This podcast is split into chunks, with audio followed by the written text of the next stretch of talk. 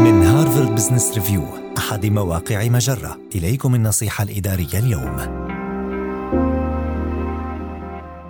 متى يمكنك مخالفة رأي محاورك في مقابلة العمل؟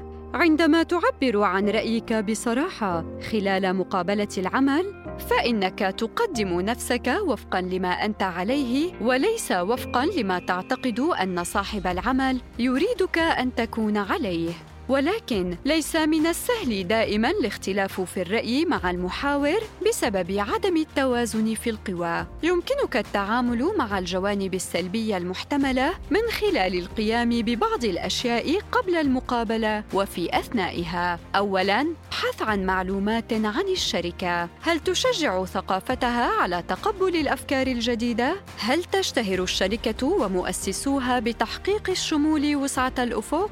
أو أنها تتطور ببطء وتفكيرها عتيق إذا طرح القائم على المقابلة سؤالاً تحتاج إلى التفكير بعناية للإجابة عنه، فقاوم الرغبة في الإجابة فوراً. خذ وقتك في صياغة رد مدروس، واطلب الإذن لعرض وجهة نظر مخالفة. قل شيئاً من قبيل: أرى الأمر بشكل مختلف، فهل يمكنني مشاركة وجهة نظري معك؟ وبالطبع اتبع حدسك. إذا كنت تعتقد أن هذا الاختلاف في الرأي لن يحظى بالترحيب، فأمسك عليك لسانك.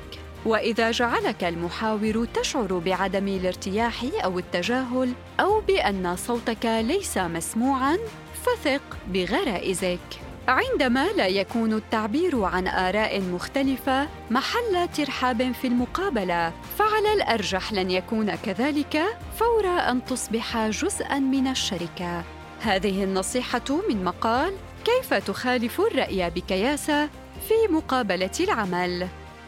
النصيحة الإدارية تأتيكم من هارفارد بزنس ريفيو أحد مواقع مجرة مصدرك الأول لأفضل محتوى عربي على الإنترنت.